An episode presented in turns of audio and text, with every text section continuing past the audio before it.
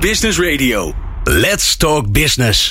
Met nu People Power. People Power is een programma over de kracht van mensen in organisaties. Met interviews en laatste inzichten voor betere prestaties en gelukkige mensen. Welkom bij People Power Change. Jeroen Buscher en ik gaan in gesprek met mensen die zorgen voor verandering. En vandaag in de studio Bart Huven, gamification expert, oprichter van Brand New Game en tevens schrijver van Gamification als motor van verandering. Wil je nou de nieuwste afleveringen van People Power via WhatsApp? Dan kan dat. Sla ons nummer op onder je contactpersonen. Vergeet dat niet te doen, want anders kunnen we je echt geen berichtje sturen. 06 45 66 75 48. Stuur ons een berichtje met je naam en uh, podcast aan. En dan sturen we jou de laatste afleveringen direct zodra ze online zijn. En je kan ook met ons praten. Je kan ons ook appjes sturen met ideeën en vragen en complimenten. Vinden we ook heel leuk overigens. En we zijn natuurlijk heel bijzonder blij dat je luistert naar People Power Change. People Power. Dames en heren, heel erg welkom bij People Power Change, waar ik in gesprek ga uh, begeleid. Deze keer met uw, uh, uw hoofdpresentator uh, Glenn van den Burg. Met mensen die veranderkatalysator zijn.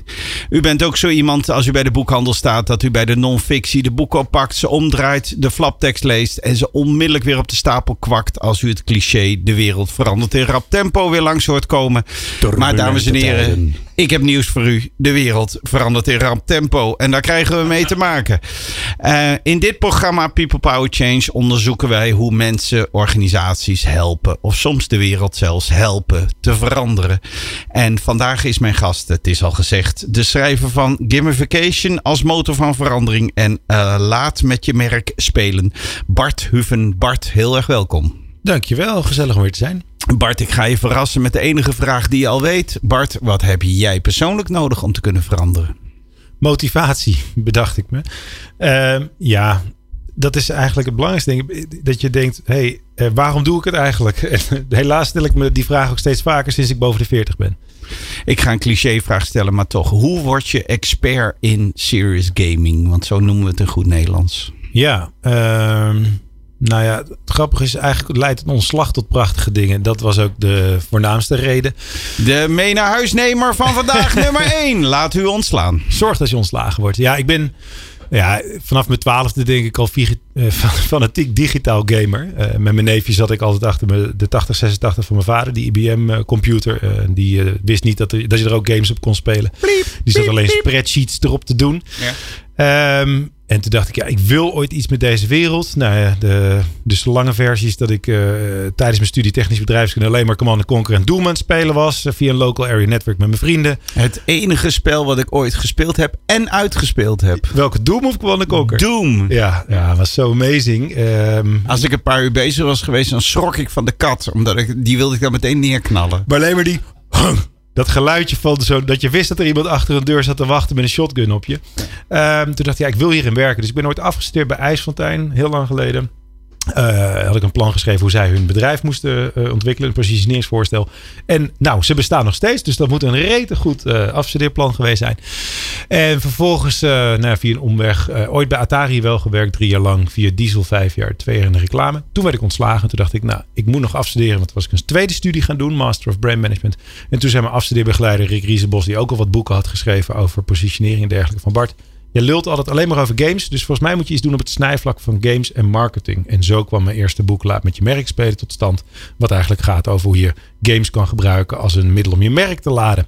Wat niks werd, business-wise. Want uh, de eerste drie jaar, het was net crisis. Hè, en iedereen wilde met me lullen erover. Van nou, leuk, uh, iets met branding. Al de reclamebureaus nodigden uit. Maar niemand gunde me een cent business. Want ja, je snapt dat het voor hun alleen maar, uh, hoe zeg je dat, cannibaliseerde. En dan lees ik nu net dat gisteren de Fortnite-spelers helemaal in de desillusie zijn. En dan denkt iedereen die nu luistert, Fortnite, wat is dat? Nou, wordt ongeveer Het grootste door, spel ter wereld. Precies, doen, maar dan met z'n allen. Honderden miljoenen mensen spelen dat. Maar merken hebben nooit begrepen wat ze daarmee moesten. En ik denk nog steeds, als die energy files of whatever in die game maar gewoon Red Bulletjes waren. Hoe goed is dat voor je merk geweest? 100 miljoen eyeballs in een tijd dat niemand meer tv kijkt. Niet meer iedereen reclame meidend is.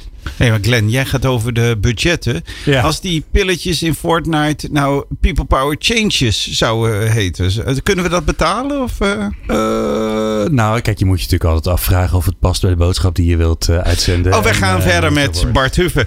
Ehm, Dit Bart, is ook de reden, Glenn, waarom het dus nooit lukte. Want iedereen was bang voor games en geweld en bladibla. Maar James Bond sponsoren met Heineken, dat durven we wel. Nou ja, de, de, de videogame kunnen we iets bij voorstellen. Serious Games, we hebben er allemaal over gehoord. Laten we eerst even terug naar de kern. Wat is een spel? Ja, nou, voor mij is het het samenspel, oh, woordspeling, eh, maar in ieder geval tussen doel, obstakels, acties en een score of feedback op je handelingen in. Dat lijkt wel bedrijfskunde. Ja, nou, het is ook eigenlijk niet zo eh, complex.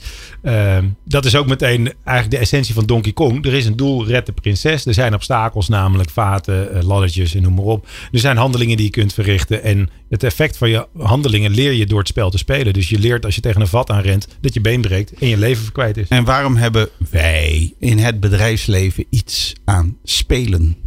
Ja, omdat ik vind het de meest pure vorm van zelfexpressie. Als je kijkt naar een leeuw wat dat wordt geboren, dan gaat hij spelende wijs oefenen op zijn broertje hoe hij iets moet vermoorden en zo in zijn levensonderhoud kan eh, voorzien. En ehm, we spelen dagelijks ook met elkaar. Alleen humor is al spel, namelijk een dolletje kijken hoe je reageert, dus de feedback ontvangen en zien of je goed landt of verkeerd landt en of je dus je grapje een beetje moet aanpassen. En- Maar goed, wa- waarom zou ik tijd en aandacht en, en een dure meneer inhuren om met mijn team een serious game te doen? Want wat schieten we daarmee op? nou, Behalve dat het leuk is. Nou ja, dus leuk is al één eh, argument wat mijn klanten nooit willen horen. Want dat is voor hun het laatste argument. Maar het eerste is meetbaarheid. Maar waarom? Omdat eh, het dus zo intrinsiek ons motiveert om eh, iets te doen met ons gedrag. Dat is één. En ten tweede, omdat eh, ons gedrag is opgebouwd uit routines. En goede games zijn zo verslavend. Er zit een verslavende routine in dat je niet meer wil stoppen. En die combinatie van het stellen van doelen en een soort routinematige manier van gedrag veranderen. Daar geloof ik heel erg in. Ik geloof namelijk niet dat je gedrag verandert als we morgen met z'n allen over vuur gaan lopen of over kolen. En dat je dan de volgende dag denkt, nou, ik eh, ga voortaan het helemaal anders doen. Is dan serious gaming het oefenen van nieuw gedrag? Ehm, dat kan. Het kan ook zijn het geven van een inzicht. Ik heb net een stomzinnig simpel eh, spelletje gegeven aan Glenn. Eh, Talent Hold'em, wat we hebben ooit, ooit, hebben we ontwikkeld voor een grote sneaker retailer eh, in Europa. En dat hebben 860 store managers toen gespeeld met hun personeel. En het enige wat het doet, is dat het 40 talenten biedt. En dat het jou dwingt keuzes te maken, ronde na ronde. Welke vijf talenten houd ik vast? Welke ene leg ik elke ronde weer weg? Dus ja, en op een gegeven moment na 40 kaarten gespeeld hebben met z'n vieren. Heb jij vier of vijf talenten in je hand waarvan je zegt: dit zijn mijn talenten en zo gebruik ik ze in mijn dagelijks Ik, heb werk? er, ik, ik pak er random één uit. En eh, zo'n mooi kaartje staat een superleuke cartoon op. Eh, ik ben in de afdeling stylish terechtgekomen. Nou. En eh, er staat op: I am the I in stylish. Jeroen, zal ik hem aan jou geven? Want eh, dit, deze, ik vind deze niet heel erg bij mij passen. Was dit naar tv? Hij heeft, hij heeft helaas een jasje uit, maar ja. Ja. Nee, maar uiteindelijk, ik ben even die cynische manager. En die zeggen, ja, dat is leuk. eh, Maar waarom zou mijn, mijn schoenenmerk, waarom zou al die mensen daar hun eind- hun tijd aan moeten verknellen? Dan hebben ze vijf kaartjes. Met, wat leren ze daarvan? Wat hebben we daaraan? Nou ja, eh, in dit geval kwam de opdracht gelukkig van de opdrachtgever. Die zei: We willen iets wat mensen bewust laat stilstaan bij hun talenten. Maar eh, om even de cynische zelf ook te spelen. Want ik ben ook nog steeds cynisch, heel eerlijk hoor. Over gamification zeker. Want dat, dat is eh, slechts een paar elementen gebruiken om in een eh, systeem te zetten. En niet een hele full pool toffe game zoals een adventure game, whatever, wat we ook wel eens maken. Eh, maar stel dat je iedereen klassikaal moet trainen. Zeg maar wat. Bij Ziggo, kabelexploitant, was dat ooit de vraag. Van ja, dat doen we klassikaal. Dus ze moesten van de winkelvloer in de auto of in de trein naar de trainingslocatie. La la. Die gasten zijn al eh, twee uur reistijd kwijt.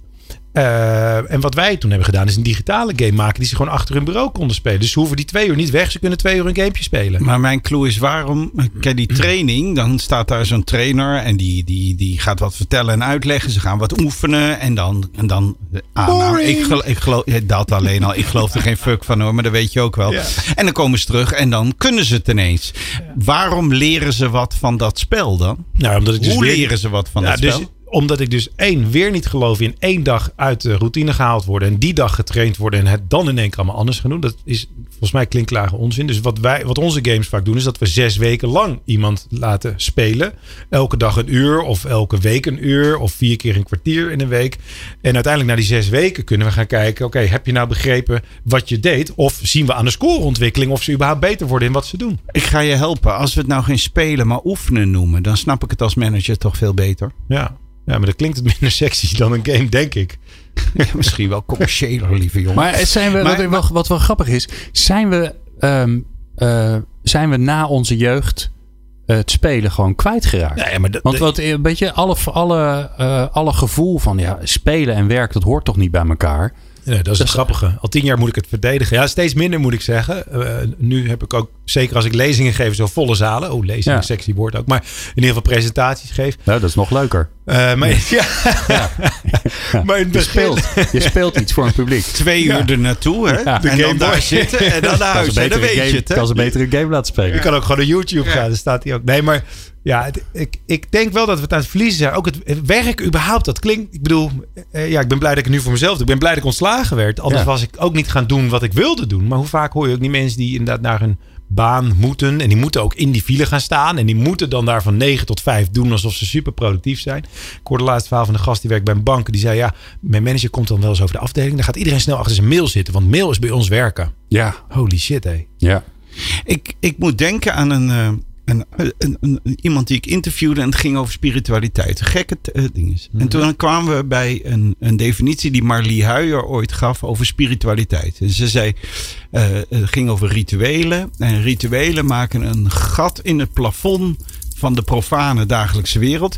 En, en tonen een, een, een spirituele wereld. Die, brengen, die brengen die rituelen brengen ons in een wereld met andere betekenis. En nu kom ik. Een, de, het spel. Brengt het spel, maakt dat een gat in onze dagelijkse wereld. En brengt dat naar een wereld hoe we ook naar de werkelijkheid kunnen kijken. Is dat de clue? Ja, ja, kan zeker. Dan, Goed van mij. dan heb je het vooral over digitale games natuurlijk. Maar dat is ook de reden waarom ik Skyrim speel bijvoorbeeld. Dan ben ik, ik ben die held die in Lord of the Rings al die draken verslaat. Maar die ben ik dan. Dus ik ben totaal lost, eh, zeg maar, in een andere wereld. Maar het grappige is ook, je weet, we hebben een GameStorm methode. Hè? Dus een, een spelende wijze methodiek die verandervraagstukken behandelt. En het grappige is, zodra het doel bepaald is en de obstakels zijn bepaald, zie je dat in één keer alle eh, politieke last wegvalt. Dus hoe, hoe zwaar het onderwerp ook is, zeg maar. Precies. Dus- Maar stel dus dat het een heel zwaar onderwerp is over, ik zeg maar wat, eh, ongewenste handelingen op de winkel- werkvloer. En dat moet, dat moet gewoon stoppen. We hebben een machtscultuur of een hele lastige organisatie. Dus het doel is om dat weg te werken. Zodra dan door middel van geeltjes, het is gewoon een post-it eh, sessie, maar door middel van geeltjes wordt dan wel benaderd van, nou, dit zijn alle obstakels die ons in de weg staan. Van de, al die obstakels mogen ze er maar drie kiezen, dus dat is een belemmering. Die komen dan op tafel en dan moeten ze gaan nadenken over het gewenst en ongewenst gedrag en wat dan het effect daarvan zou kunnen zijn. En het leuke is dat op dat moment iedereen zo in dat spel zit, dat ze niet meer eh, doorhebben dat zij bijvoorbeeld ook eh, eh, verantwoordelijkheid ja, hadden eigenlijk over al die shit die er is. Of dat ze, eh, nou ja, er is zelfs wel eens naar voren gekomen dat iemand definieerde allemaal acties. En iedereen vond, ja, dat moeten we gaan doen. En dat, dat die zei, oeh, dat is eigenlijk mijn baan. En dus we gaan eigenlijk. eh, de, ik ben nog steeds die cynische manager. De, de werkvorm spel, hè, serious gaming, helpt ons eh, om te oefenen of uit te vinden hoe we ook zouden kunnen werken. Hoe we ook naar Ja. de werkelijkheid kunnen kijken. Eigenlijk wat mijn dochter doet, die met al haar spelletjes die ze met de vriendinnetjes speelt, eigenlijk oefent voor het echte leven en ook uitvindt hoe ze daarmee om wil gaan. Ja, zeker. Inderdaad, als je het hebt over intimiteit. Ik herinner me nog tafeldame. Ik herinner alleen die, heel, heel die eh, spelregels niet meer. Maar dan mocht je iemand kussen die je leuk vond. Als die jou ook leuk vond, geloof ik. Of zo. Nee, dat, dat is natuurlijk als een spelende wijs erachter komen hoe je intiem kunt zijn met Ja. elkaar. Maar om een ander voorbeeld te geven. Dat, eh, wat je, want je zei net wel heel mooi die spiritualiteit. En dat je in een soort flow eh, komt. Ja, ik zeg niet dat komt. gaming dat is, maar hetzelfde principe. Je Ja. komt in een andere wereld. Ja, maar dat zeker. We- hebben nu een game recentelijk ontwikkeld. Die heet eh, Survival Island. En en die is nog niet speelbaar live. Maar daar gaan mensen... eh, je, het begint dat je aanspoelt op een onbewoond eiland. En, en good luck. En daar start het eigenlijk. We hebben helemaal geen uitleg van het spel. Maar daar moet je gewoon gaan navigeren. Dus je kunt naar links en naar rechts. Nou, je kunt nog een keer naar links. Zie je weer een stuk eiland en palmboom. Nog een keer naar links. hey, een koffer aangespoeld. hey, wat zou erin zitten? Ik ga hem openen. Ik zie daar spullen in zitten. Afhankelijk van de spullen die je kiest. Bijvoorbeeld chips en eh, wijn en eh, eh, snickerbars. ehm, ja, krijg je wel of meer, e- meer of minder energie. Maar als je die chips opeet, krijg je dorst. Als je geen water hebt, ga je uiteindelijk dood, val je flauw. Of in ieder geval, je valt flauw, je gaat niet dood. Maar dan begin je weer opnieuw bij de locatie. Je ziet dat mensen zo snel in die game raken, dat ze de wereld om zich heen totaal vergeten. We hebben nu met 80 mensen gepilot. We zijn nu het aan het itereren, doorontwikkelen. Eh, en het zal hopelijk begin volgend jaar dan live gaan. Maar het is zo gaaf om te zien dat mensen zich inderdaad helemaal verliezen. Dit en nog meer eh, met Bart Huve over gamification en serious gaming. En hoe dit kan helpen in verandering in organisatie naar het volgende. People Power. Inspirerende gesprekken over de kracht van mensen in organisaties. Met Jeroen Buescher. Ja, dames en heren, de wereld verandert in rap tempo. En dat eh, maakt u elke dag mee. En daarom ben ik ook zo ontroerd dat u nog steeds vol aandacht bij het knappend haardvuur, ongetwijfeld met een warm drankje in uw rechterhand, nog steeds luistert naar People Power Change, waar wij in gesprek zijn met Bart Huve.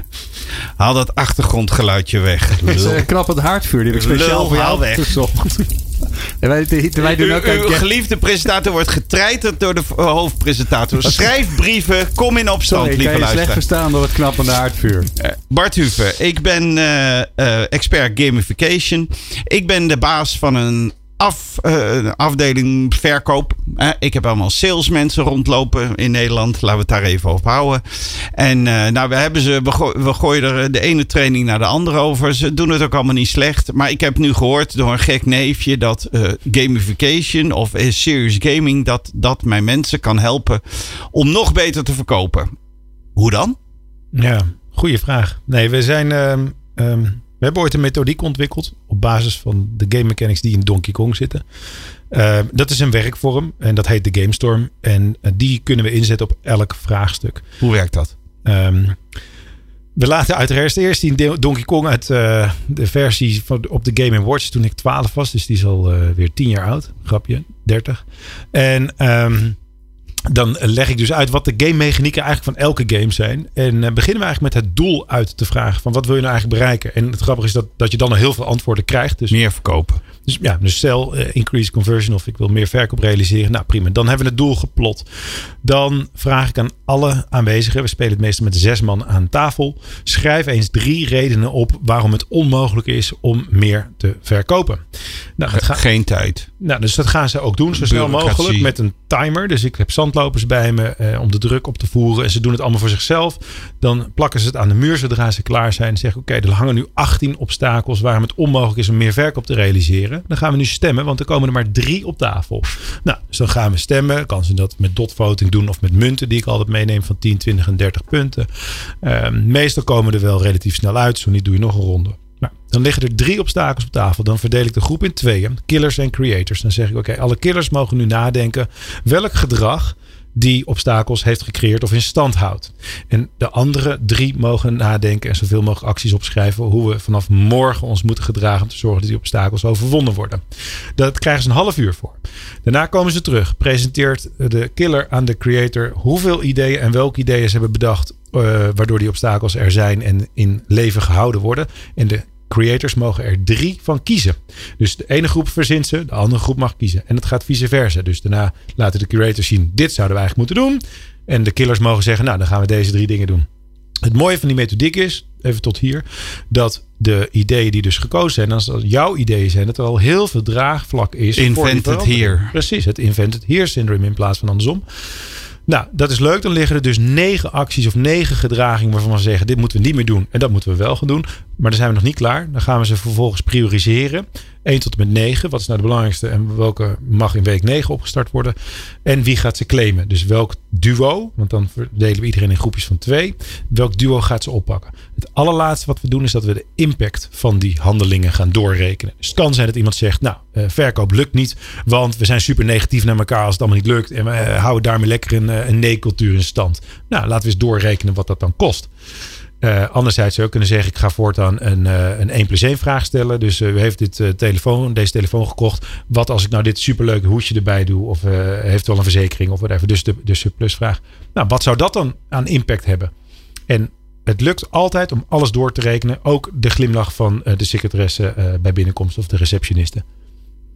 En, en eh, mijn, mijn mensen gaan dit volgen. En wat gebeurt er dan met ze doordat ze dit doen? Ik kan me iets voorstellen, maar ik vraag het eh, aan je. Nou ja, het leuke is dus al, we hebben dit ooit dus ook weer met die sneaker retailer gedaan. Met alle, alle 860 store managers. Het mooie is dat die mensen hun eigen veranderplan aan het schrijven zijn. Dus het is niet zo dat management zegt: hé hey jongens, jullie moeten nu stoppen met dit. En jullie moeten starten met dat, want uh, dit is de nieuwe werkmethode. Of uh, of zo. En ze weten ook waarom ze het bedacht nee, hebben, want ze hebben het zelf bedacht. Ja, en het doel is duidelijk voor iedereen. En dat snapt ook iedereen wel. We moeten gewoon meer verkopen. Obstakels kunnen verschillen per winkel of per filiaal of per regio. Per mens. Per mens. Uh, en waarom je. Ja, het, het, het, ja, de methode laat je ook even kritisch naar jezelf kijken. Want ik, ik zeg ook, die obstakels en gedragingen zijn wel jullie gedrag. Dus het is niet de, dat het regent of zo. Dat mag niet een obstakel zijn. Want we vragen altijd obstakels waar je invloed op hebt met je gedrag.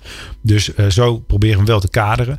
En ja, de handelingen zijn gewoon dingen als: ja, weet ik veel. Ik, ik, ik, doe gewoon niet genoeg mijn best of zo. Of ik heb eigenlijk niet zoveel zin, want ik ben niet gemotiveerd. Dat is een hele valide reden waarom je resultaten misschien achterblijven. Maar laten we dan kijken hoe we dat kunnen oppakken. En het mooie is ook, als zo'n actie te moeilijk is om op te pakken, wordt dat het doel voor een nieuwe GameStorm sessie. En daar komt natuurlijk mijn business model ook nog wel ten goede. Maar het kan ook zijn dat het gewoon zo'n groot vraagstuk is dat je dat weer opnieuw moet afpellen. Ja, want als je bijvoorbeeld zegt, nou, het komt door de bureaucratie in deze organisatie, dan zou je kunnen zeggen, nou, als dat het doel is, het terugdringen van, ja. en dan kan je, kan je gaming weer toe gaan passen, want dat ja. is dan je doel. Precies. Want, anders, want dat is wel vrij, een vrij groot thema. Als je zegt, ja, we moeten minder bureaucratisch zijn. Oké, okay, ja. Maar het kan ook zoiets zijn als inderdaad, uh, weet ik veel, actief klanten gaan werven en gewoon die telefoon oppakken en 20 calls per dag doen. Boom. En wat is, uh, als dit nu, als jij in een pitch zit bij mij, want ik heb toch dat trainingsbureau nog eens een keer gebeld. En die gaan ze dan uh, uh, de meest gloedvolle pitch ever voor ons product laten oefenen. En met rollenspelacteurs erbij. Waarom moet ik die game kiezen? Nou ja, ik denk omdat ten eerste dus omdat het dus vanuit de mensen zelf komt. En vervolgens proberen wij het vanuit de Gamification Academy. Of proberen we niet. Volgen wij het ook op met consultants. Dus we hebben daar een leger aan mensen inmiddels opgeleid. Tot nu toe 24 man. Die deze methode gelicenseerd mogen doen. En die volgen dan elke maand op. Want het werkt zo. Die negen acties zijn negen acties. Maar die moeten wel uitgevoerd worden. Gek genoeg moeten we dat dus ook begeleiden. Uh, dus het is week 1, 2, 3. Pak je prioriteit 1, 2, 3 op. En week 4 hebben we als goed is iets te vieren. Dus dan komen wij langs. En dan weer week 5, 6 en 7. En dan komen we week 8 weer langs om als het goed is iets te vieren. En zo, zo moet je eigenlijk zien als een backlog die steeds leger wordt. Dus alle, alle to-do's veranderen. Of uh, ja, veranderen van actions into achievements. Zeg ik altijd. Van dit, het was een streven en nu is het een realisatie. En dan kun je ook weer zien waar, waar ze nog mee struggelen. Of waar ze nog tegenaan lopen. En eventueel dus weer op die competenties of kennisgebreken inspelen. En uh, hoe kom je deze methodiek? Zet je, het lijkt mij een Casco-methodiek. Die kan je voor ja. bijna elke vraagstelling in, uh, ja. in, uh, in inzetten. Inzetten, ja. inzetten sorry. hoe, hoe, gekke vraag misschien, maar hoe ben je daar zo op gekomen? Eigenlijk uit, no uit, nood. Mijn allereerste opdracht was bij Ziggo om een game te maken voor hun compliance vraagstuk.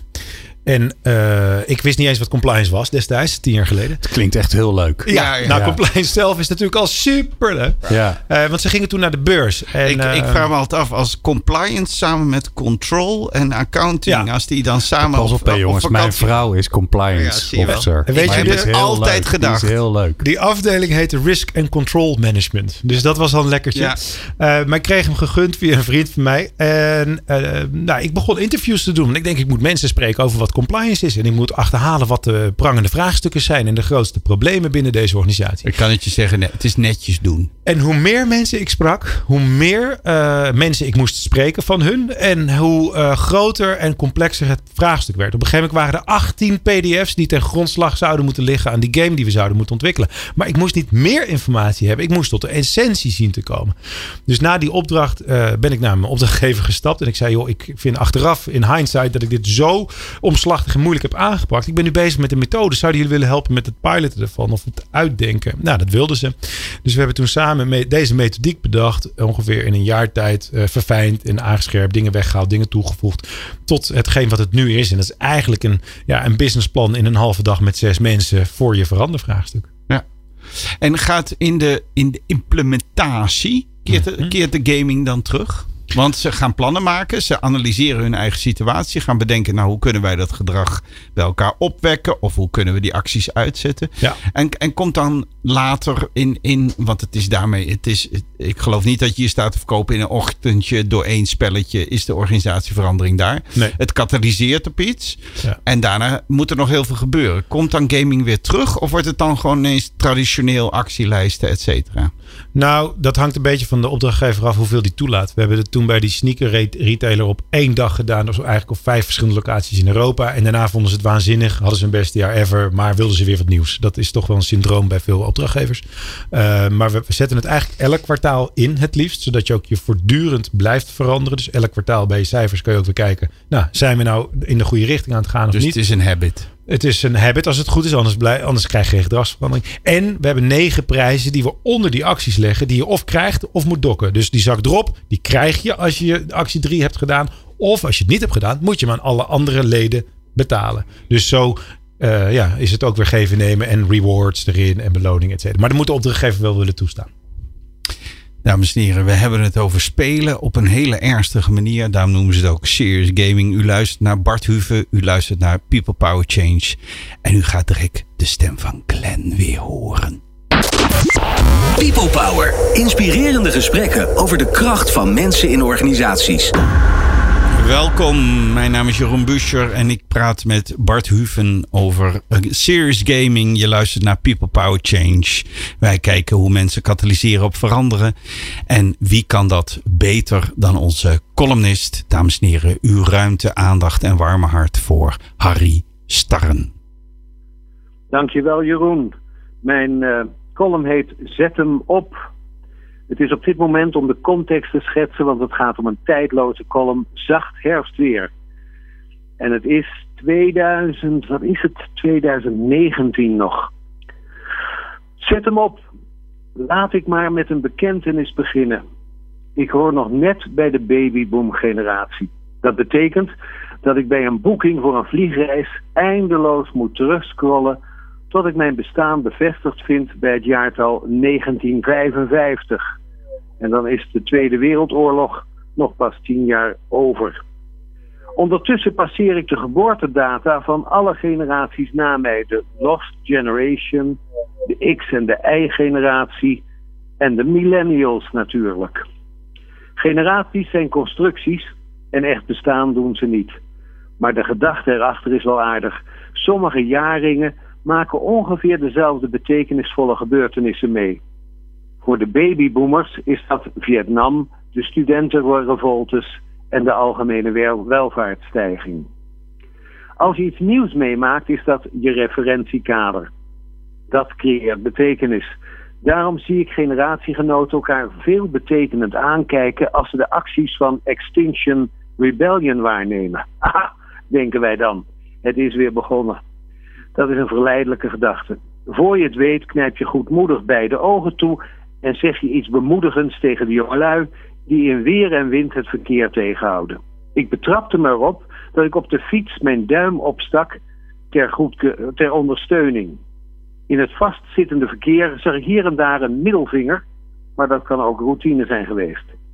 Jane Fonda, die ik mij nog als sekssymbool herinner, Barbarella, en die nu 81 jaar oud is en dus in de voorhoede van de babyboomers zat, pakt het anders aan. Zij is ervoor naar Washington gegaan, waar ze ook een huis heeft. En ze heeft aangekondigd elke vrijdag mee te strijden voor gerechtigheid. Kijk, dat is karakter. Ik heb voor de zekerheid mijn leeftijdsgenoten gepolst. Jo is de komende tijd in Myanmar. Hans staat op het punt naar India te vertrekken. Erik komt af en toe naar Nederland om de post van de mat te rapen. Fred bereidt zijn fietsen voor fietsenproject in Portugal voor. Lisette heeft een aanstelling in Oslo. En Jaap doet een interim klusje in Brussel. Zelf zit ik rond die hetzelfde tijd in Italië. Het gaat de babyboomers goed. De meesten hebben een onbedreigd pensioen, werken naar behoefte bij, vertoeven door weer en wind gedreven in het buitenland en zijn enorm bezorgd hoe het in de wereld nou verder moet. Wij staan aan de kant van de millennials. Daarover geen misverstand. Wij waren bezig met de maatschappij zoals zij. Waren sociaal bewogen en geëngageerd. Niet allemaal, maar de smaakmakende gemeenschap die ze te vertegenwoordigen van die generatie waande, was dat. De meeste mensen in die tijd waren aan het werk, zoals bij de millennials trouwens ook het geval is. Er is wel iets vreemds gaande. De babyboomers zijn met de meeste tegenwoordig. En hoewel zij een keer doodgaan, bepalen zij nog altijd het spel. Ze hebben het meest gespaard, beschikken over het meeste vermogen en hebben grosso modo hun schaapjes op het droge. Dat geeft het iets wrangs. Als je je duim opsteekt op weg naar het fors inwaardige huis met het onbedreigde pensioen. En al die vrienden in warmere orde. Ik hoor je zeggen, maar hun tijd komt nog wel. Dat is bij ons ook zo gegaan. Dat laatste kan wel eens een vertekening zijn. De millennials hebben het idee dat het anders ligt voor hen. Dat wij, die voor de bui binnen zijn, hen min of meer het beste wensen, maar eigenlijk zeggen: bekijk het maar. Dat geldt uiteraard niet voor Jane Fonda en mij. Wij zitten zo niet in elkaar. Dit was Harry Starre en wederom danken wij hem diep. Dankjewel. People Power op Nieuw Business Radio.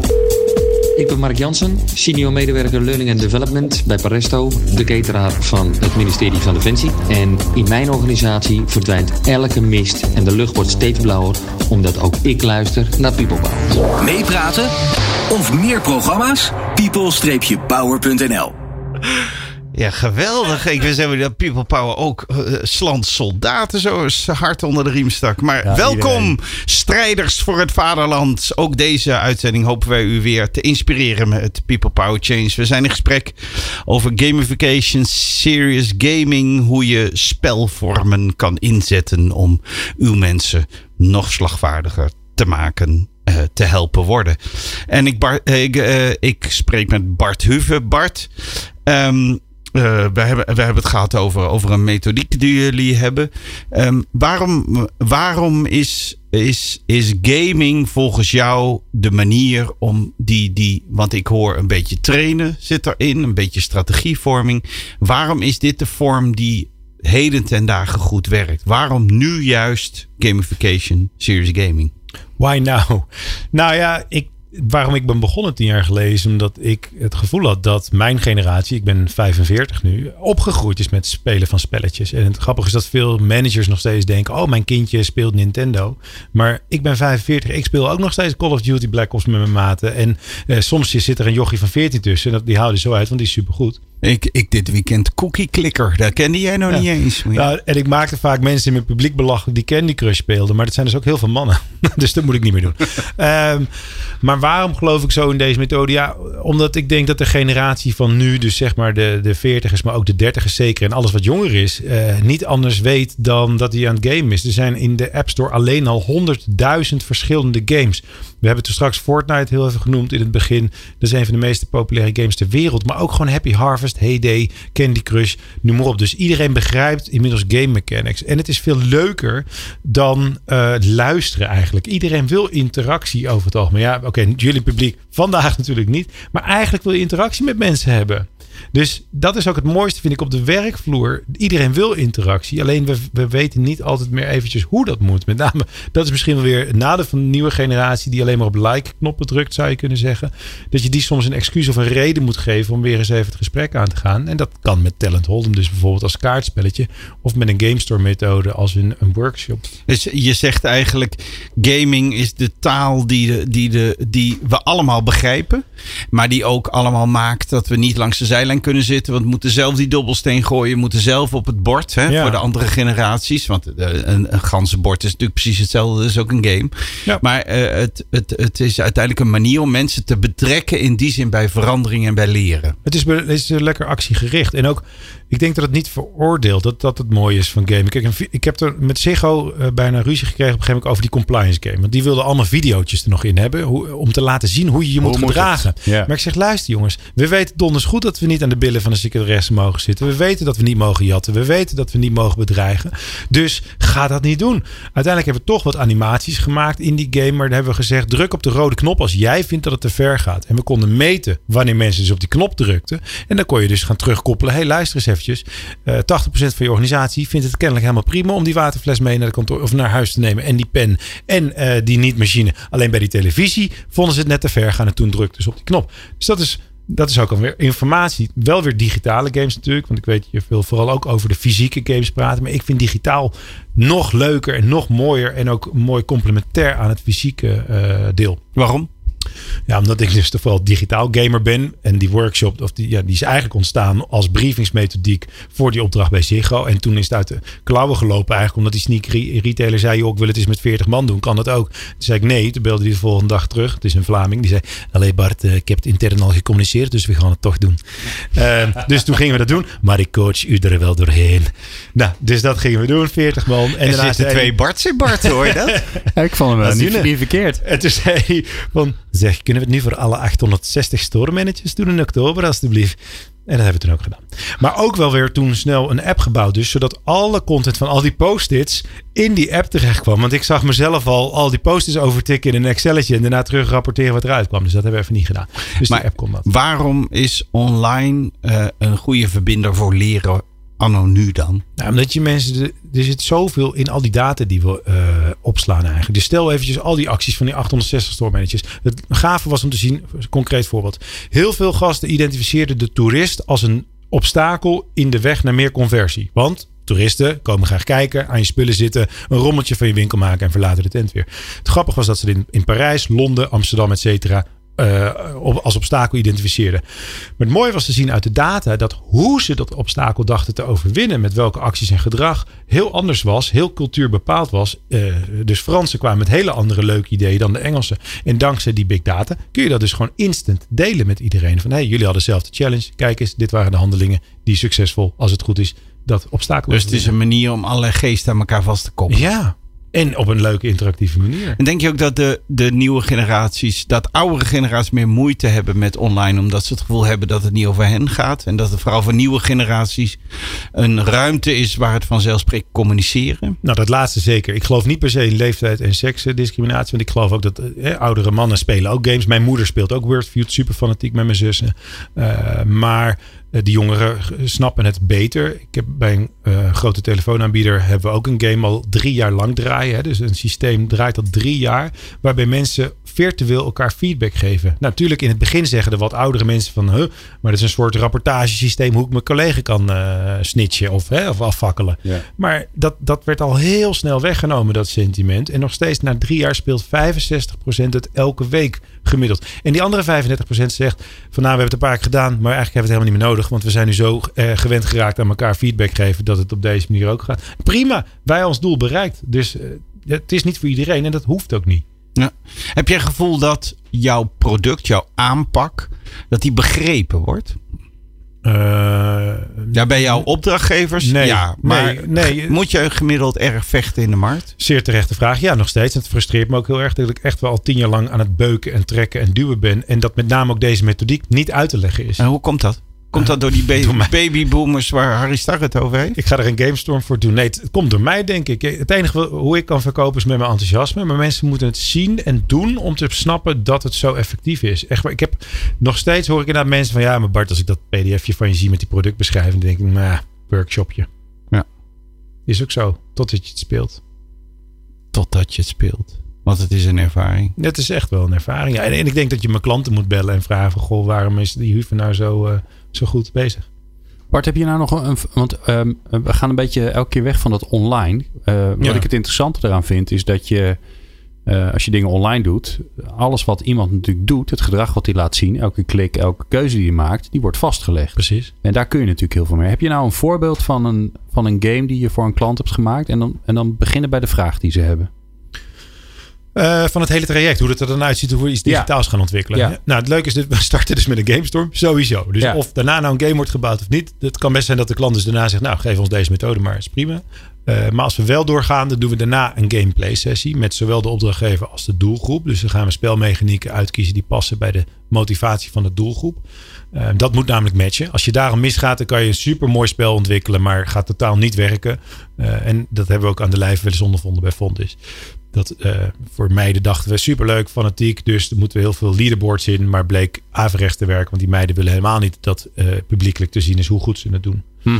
Nou, uh, daarna gaan we een concept ontwikkelen. Gaan we eerst vormgeven, visueel schetsen. En daarna een prototype bouwen. Zo snel mogelijk een prototype. Want dan pas weet je of wat je bedacht had echt leuk is om te doen. Dus dat ziet er niet uit. Het kan zelfs van papier zijn. Gewoon paper prototype. Maar uh, bijvoorbeeld is het spel, jij hebt iets. En dat moeten anderen zien te veroveren door whatever te doen. Dan, als de klant uh, en de feedback van de gebruikers positief is, dan pas gaan we iets digitaals bouwen. En dan pas gaan we de vormgeving eroverheen leggen. En dan pas gaan we definiëren welke content exact erin zit. Ja. En dan pas beta. En doe zo'n voorbeeld. Wat heb je dan gemaakt? Nou ja, misschien handig om terug te komen op die, die eilandgame. Uh, dus dat eilandspel. Dat is ook echt begonnen ooit met een fysiek spel. Jij zegt net ganzenbord. Nou, zoiets. We hadden gewoon 80 vakjes waar je over kon bewegen. Door met een dobbelsteen te gooien. En toen bedachten ja, maar die dobbelsteen dat moet eten en drinken zijn. Want het is best realistisch dat je genoeg moet eten, genoeg moet drinken. Om genoeg energie te hebben om je te verplaatsen. Dat je op sommige momenten gewoon uitgeput bent. Uh, ook uh, no matter hoeveel je ook eet. Want je moet slapen. Dus dat zit ook allemaal in die game. Je, je moet dus echt eten en drinken. En je, en je valt ook echt, of je moet echt gewoon slapen na 18 stappen zeg maar. Er zitten 80 uh, tegels in dat spel, zoals we het noemen. En uiteindelijk ontdek je bijvoorbeeld een vliegtuig. En uh, bij dat vliegtuig kun je dingen. We hebben het ontwikkeld voor een bedrijf die het uiteindelijk wil inzetten om een vitaliteitsprofiel op te bouwen van mensen, van medewerkers. Dus zeg je werkt bij een grote verzekeringsmaatschappij, maar je zit niet lekker in je vel, maar je weet eigenlijk niet waarom. Dan krijg je op dit moment een vragenlijst met 100 vragen. Die bepaalt van, oh Bart, je bent Hou uh, wat op. overgewichtig. Of, Hou op. oh, je zit spiritueel niet lekker in je vel vanwege die scheiding of whatever. Nou, niemand heeft per se zin in 100 vragen invullen. Maar in deze game bieden wij die vragen aan contextgerelateerd. Dus je staat op een gegeven moment voor een gesloten deur in het vliegtuig. Dan staat er, hoe voelt het als je voor een gesloten deur staat? Uh, zoek je dan hulp bij vrienden? Uh, ga je het zelf uit lopen vissen?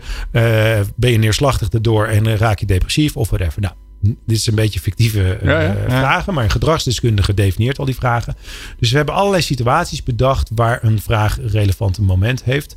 En na 65% doorspelen krijg je een knop die zegt: Nou, je hebt nu 65% van je profiel doorgespeeld. Klik hier, dan krijg je een inzicht in hoe het gesteld is met jouw spirituele zelf, je rationele zelf, je sociaal-emotionele en je wow. fysieke zelf. Dus wow. als jij alleen maar chipzakken en wijnflessen en energy drinkjes uit die koffers hebt lopen rukken, ja, dan uh, vermoedt het spel natuurlijk dat er iets met jouw fysieke gesteldheid is of je eetpatroon. Nou, daar kunnen we helemaal naast zitten, want het kan natuurlijk zijn dat je dat voor de lol deed. Ja, maar het katalyseert over nadenken. Precies, dus dat hopen we. En uiteindelijk kun je met al die credits die je verdient uh, naar een marktplaats om de eerste stap te zetten in jouw vitaliteitsbehoeften. Ah, cool. Bart Huver, ik heb uh, een uur met je gepraat. We gaan afronden. En, en uh, ik hoor een, een, een mentaliteit van nadenken over leren. En, uh, en, uh, en, en, en waarin spelen leren wordt. En waarin spelen slaat op oefenen op de serieuze wereld. Ik kan me voorstellen dat er luisteraars zijn die zeggen: Oh, dit is een interessante manier van denken. We kunnen Bart Huven inhuren. Ik wil het eigenlijk mezelf wel eigen maken. Uh, delen jullie. Ik weet het, als ik aan, aan jou ziende, dan weet ik dat je, dat je affiniteit hebt met de millennials. Dus het antwoord zal wel ja zijn. Maar delen jullie die kennis met mensen? Want je noemt je ook een academy. Kunnen we leren in games leren? Ja, er zijn heel veel dingen die ik gratis ter beschikking stel. Waaronder ons blog uiteraard op brandnewgame.nl. Maar ook mijn eerste boek heb ik laten vertalen in het Engels. Brand New Playgrounds is gratis te downloaden. Uh, biedt nog steeds heel veel cijfers en informatie. En toevallig geven wij 1 november en 13 november twee workshops. De eerste gaat puur over de Game Store methode. Dus die is op 1 november. Uh, de andere is op 13 november. Dat is een gamification workshop. Daar leer, je eigenlijk wat ik doe. Conceptontwikkeling voor serieus doeleinden. Uh, daar zijn wel kosten aan verbonden. Maar momenteel loopt er een actie dat we twee kaarten voor 1000 euro aanbieden. En stel ik luister en ik denk, hey, dit is toch wel een hefboom, daar kan ik iets mee, omdat ik trainer ben, omdat ik consultant ben of omdat ik manager ben bij een bij, of HR-medewerker ben. Waar kan ik dat vinden, deze, deze workshops of überhaupt meer over wat jullie doen? Het makkelijkste is even gewoon naar eventbrite.nl en dan zoeken op gamification. Dan kan het niet missen dat je ons vindt. Eventbrite.nl en zoeken op gamification. Dames en heren, u heeft een uur lang ademloos met de dobbelsteen in de ene hand en de klikker in de andere hand geluisterd naar Bart Huve. Uh, gamification als motor van verandering. Nou, dat is inderdaad, zo heet je laatste boek. Dat is ook het beeld wat ik inderdaad krijg. Ik dank je heel erg. Ik vond het een leuk spel, dit gesprek. Ik hoop jij ook. En Ja. eh, de online versie is binnenkort te koop. Ja, voor heel veel geld. Ehm, dankjewel Jeroen voor eh, weer een mooie aflevering. En ja, even spelletjes spelen is toch bijna niks leukers dan dat. Zeker als je het nog eens een keer met vrienden of, eh, of met je gezin doet. Ehm, wij zijn er volgende week niet. Zo, dat is even dramatisch nieuws zeg. Jongen, jongen, ja. ja. Want, eh, ja, nee, ja, sorry, mijn excuses. Maar het is, eh, het is herfstvakantie en eh, ik ga wat leuks doen met mijn, mijn eigen gezin. Maar niet getreurd. Mocht je alle afleveringen nog niet hebben geluisterd, ga naar peoplepower.radio. Dan vind je alle 265, geloof ik, afleveringen van dit mooie programma.